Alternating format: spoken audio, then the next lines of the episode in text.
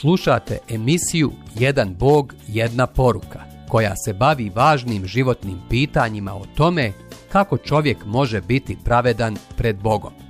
Ako imate bilo kakvih pitanja ili komentara vezano za današnju emisiju, na kraju emitovanja ćete dobiti informacije kako nas kontaktirati.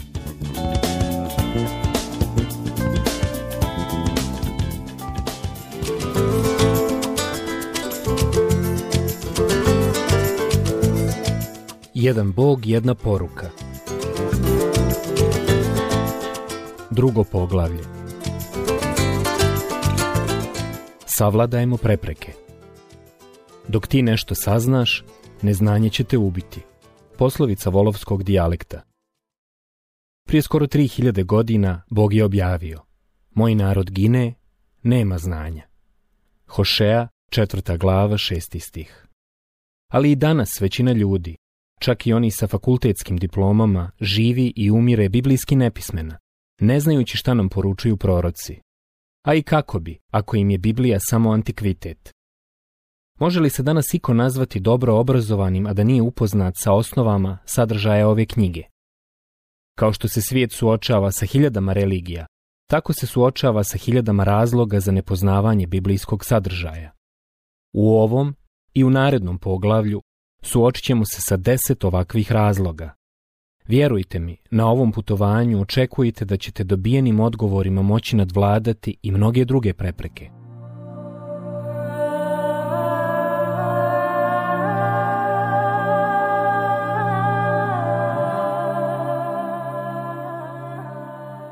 Deset razloga zbog kojih ljudi odbacuju Bibliju. 1. Ma to su sve mitovi. Na današnjem sekularizovanom zapadu mnogi tvrde kako je Biblija tek nešto više od zbirke poetskih mitova i lijepih narodnih izreka. Da, previše je onih koji se drže ovog stava, a da baš nimalo truda nisu uložili to provjeriti. Sir Artun Conan Doyle u svom čuvenom klasiku o Sherlocku Holmesu piše kako je dr. Watson pitao genijalnog detektiva povodom nekog slučaja. Šta zaključujete iz ovoga? Još uvijek nemam podatke, odgovorio mu je Holmes i nastavio. Najveća je greška teoretisati prije nego što sakupimo sve podatke, jer tada svako neizbježno izvrće činjenice kako bi ih prilagodio teoriji, umjesto da sakupljeni podaci oblikuju teoriju. Mnogi čine baš ovu i ovakvu najveću grešku kada je riječ o Bibliji. Prosto donose zaključke, a da nemaju dovoljno podataka, zbog čega i to malo činjenica izvrću kako bi ih uklopili u svoje teorije u želji da ne ljuljaju svoje svjetonazore i način života. 2. Ma tu je prava šuma raznih tumačenja. Neki nikada ne čitaju Bibliju samo zato što su čuli jednu grupu koja uzvikuje. Biblija ovako poručuje. A onda im druga grupa uzvraća. Ne, nije tako, Biblija drugačije kaže. Ali ovaj stav kako je sveto pismo nedokučivo i nije neko iznenađenje. Naime, ova nam knjiga dopušta imati svoj sobstveni stav o mnogim pitanjima života, ali ne i o stvarima vječnosti i njenim posljedicama. Tu nam već ne ostavlja prostor za šumu raznih tumačenja. Božja knjiga i njena poruka mogu se razumjeti ukoliko zaista sagledavamo ono što nam kazuje. I evo šta je još Watsonu rekao legendarni Sherlock Holmes. Mi vidimo, ali ne uočavamo, što nikako nije isto. Recimo, ti često vidiš stepenište kojim se iz predsoblja dolazi do ove sobe. Često? Da, često. Šta misliš koliko puta ga vidiš? Pitao je Holmes. Pa, valjda više stotina puta, odgovorio je Watson. Dobro, i koliko ima stepenika na njemu? Uh, koliko? Ne znam. Baš tako, vidiš, a ne primjećuješ. O tome ti pričam a ja, dragi moj Vocone, znam da ih je tačno 70, jer ih i gledam i primjećujem. Na sličan način mnogi vide, čitaju određene odjeljke Biblije, ali ne zapažaju šta oni zaista kažu. I baš zato se javlja toliko tumačenja ove knjige. Zato, pitanje koje razjašnjava stvar glasi Želim li ja razumjeti Božju poruku? Jesam li spreman potražiti božansku istinu s onom istom strašću i predanošću s kojima bih tragao i za skrivenim blagom. Kralj Salomon je zapisao, Ako prizoveš razum i zavapiš za razborom, ako ga potražiš kao srebro i tragaš za njim kao za skrivenim blagom, tada ćeš shvatiti strah gospodnji i naći ćeš Božje znanje. Mudre izreke, druga glava, od trećeg do petog stiha.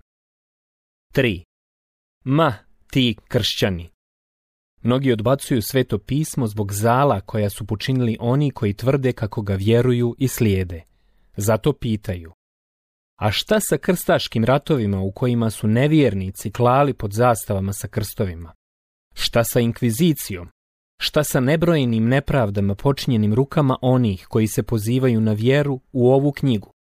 Evo šta, kogod nosi ime kršćanin, što znači Kristu nalik, a ne odražava njegovu ljubav i saosjećanje, živa je protivriječnost svega što Isus Krist jeste i što je naučavao. Jer Isus reče svojim učenicima, čuli ste da je rečeno, ljubi svoga bližnjega, a mrzi neprijatelja, a ja vam kažem, ljubite neprijatelje, molite za one koji vas progone. Matejevo evanđelje, peta glava, 43. i 44. stih.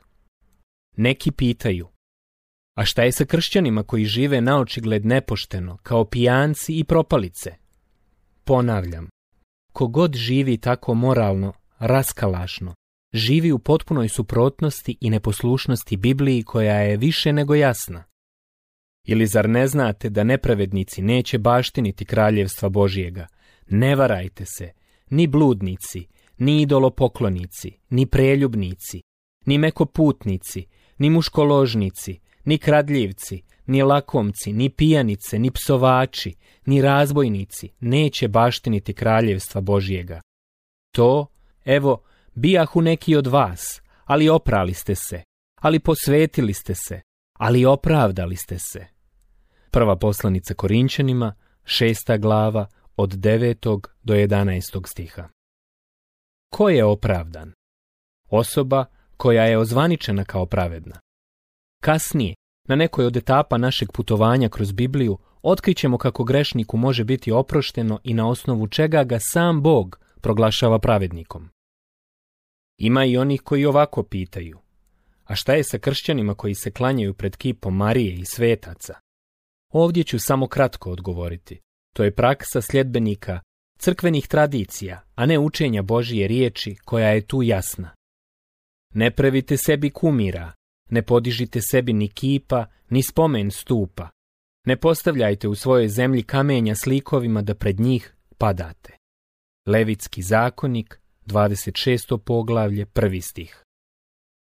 Klanjati se pred kipovima, uzdizati bilo koji ljudski autoritet nad Božijim, moliti se mehanički, bez iskrene bogospoznaje, sve su to oblici idolopoklonstva. Mnogi su time zbunjeni jer misle kako su pojmovi kršćanin i katolik jedno te isto. Nisu. Nije isto reći kršćani i ili protestanti. Reći kako je neko kršćanin samo zato što odlazi u crkvu je isto što i reći kako je neko automobil zato što radi u automehaničarskom servisu. 4. Ma sve su to licemjeri. Često se kao razlog nečitanja Biblije navodi i to da su svi kršćani dvolični. Nažalost, previše je onih koji, premda tvrde kako vjeruju Bibliji, govore jedno, a žive nešto sasvim drugačije. Time kvare poruku ove knjige i služe se Božijim imenom iz čiste sebičnosti. Mnogi su propovjednici razotkriveni kako žive u nemoralu i samoživosti. Neki otvoreno pozivaju da im pošaljemo novac kako bi nam blagoslovili zdravlje i imanje. Za takve prevarante Božja riječ ima jasnu dijagnozu ljudi pokvarene pameti i lišenih istine, što pobožnost smatraju dobitkom. Prva poslanica Timoteju, šesta glava, peti stih. Evo šta je Isus poručio površnim vjerskim vođama svoga vremena, koji su bili željni isticanja. Licemjeri, dobro prorokova o vama Izaija, narod me ovaj usnama časti, a srce mu je daleko od mene. Uzalud me štuju naučavajući nauke, uredbe ljudske. Matejevo evanđelje, 15. glava, od 7. do 9. stiha. Tako, i kad molite, ne budite kao licemjeri. Vole moliti stojeći u sinagogama i na raskrižima ulica da se pokažu ljudima. Zaista, kažem vam, primili su svoju plaću.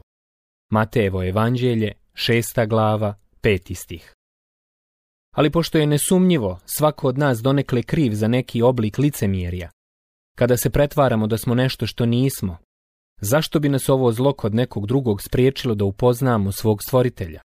Zašto nas ne bi njegova riječ preobrazila u ljude kakvim nas želi? 5. A šta je sa rasizmom?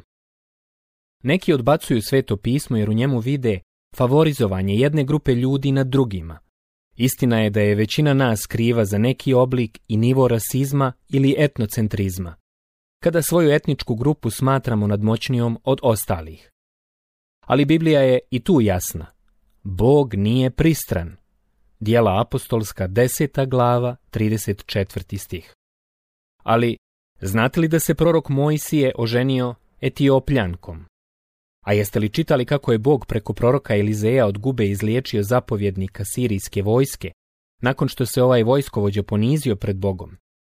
A znate li da je Bog zapovjedio proroku Joni, Hebrejnu, da poruku pokajanja i spasenja objavi Ninivi, gradu na području Iraka?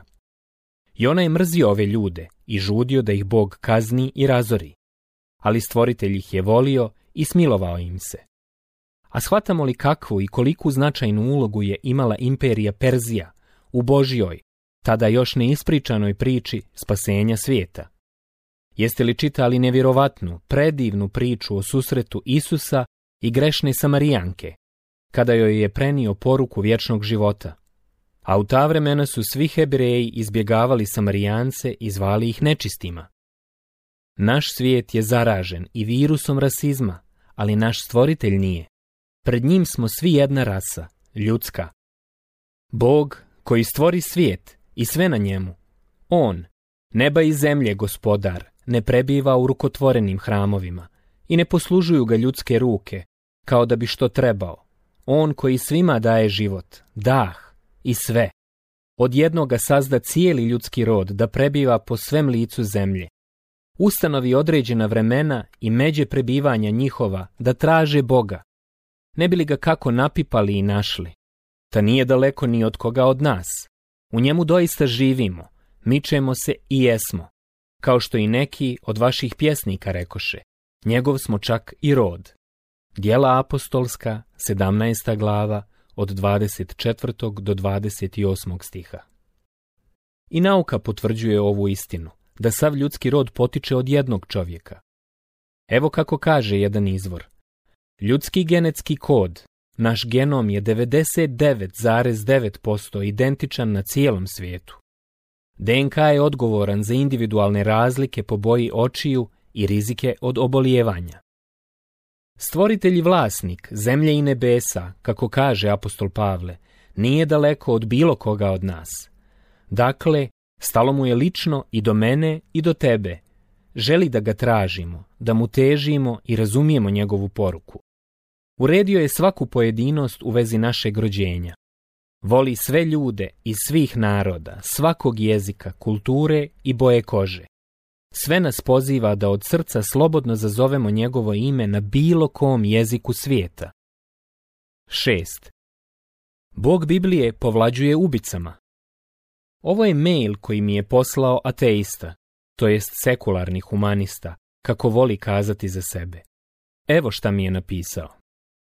U Bibliji čitamo, gospod, gospod, Bog milostivi i milosrdni, spor na srđbu, bogat milošću i vjernošću. Baš lijepo sročena samohvala, ali od toga nikome od nas koristi ni rješenja problema. Nije Bog baš tako dobar kada je dopustio da se skoro četvrt miliona ljudi 2004. godine podavi u tsunamiju u jugoistočnoj Aziji, u takozvanom osvajanju Kanana biblijski bog nije ni trepnuo na klanje nevinih ljudi, žena, djece i beba. I zašto bih onda ja, puki smrtnik, bio sam milosniji od mog, nazovi tvorca?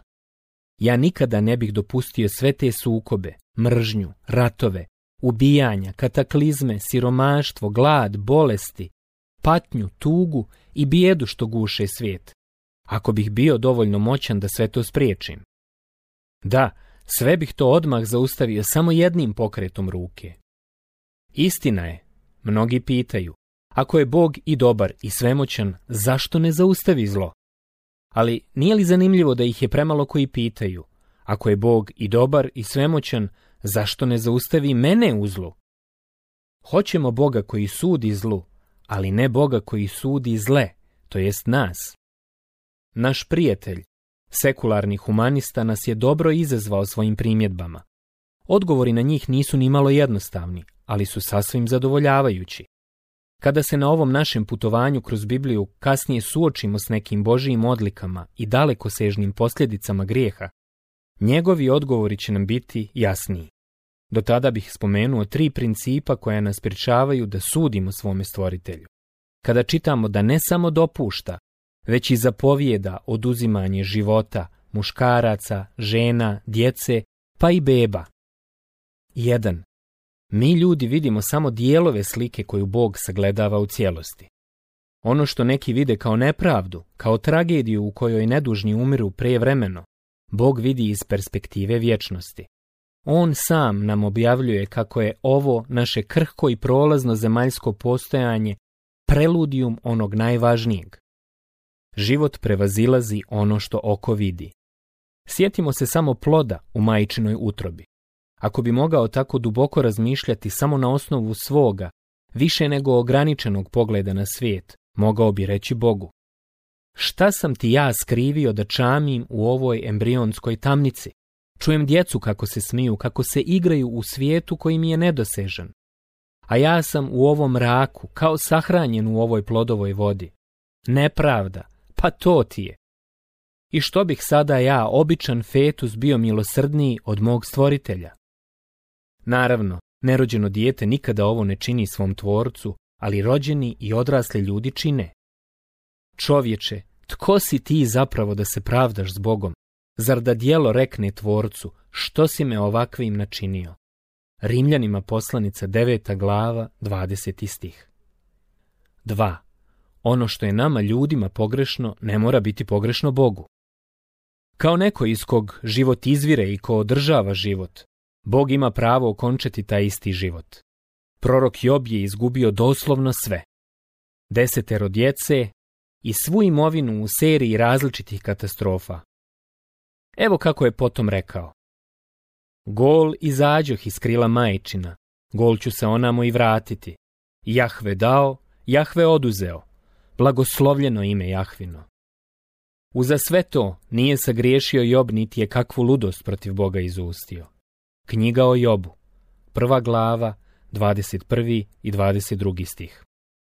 U ovom našem putovanju, proučavanju, imat ćemo priliku pogledati iza scene u taj neobični, na izgled čudan, ali ipak svemudar Božiji dizajn, Srešćemo se sa suverenom i gospodarom svemira koji ne prisiljava ljude da ga vole i budu mu poslušni.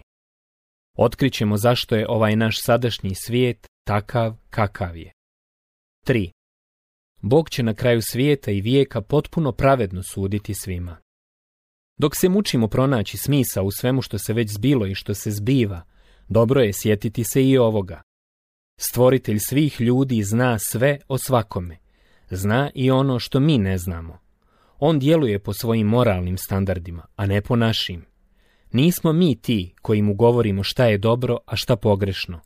On nama to objašnjava. I premda nam dopušta čak i da se odlučimo za zlo, za stvari koje štete drugima, nipošto nije neosjetljiv na to naše zlo. Zato njegov dan suda neminovno dolazi. Tada će suditi svakome, muškarcu, ženi i djetetu, prema svojim mjerilima pravednosti. U tom smislu su i njegova ljubav i njegova pravednost konačni, ne mogu biti veći nego što jesu.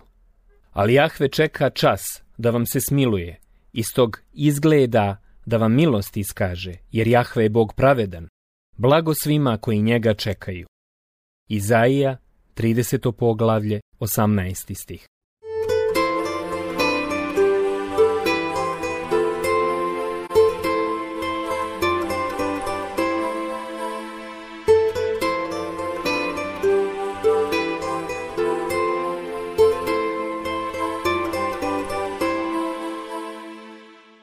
Hvala vam što ste slušali današnju emisiju.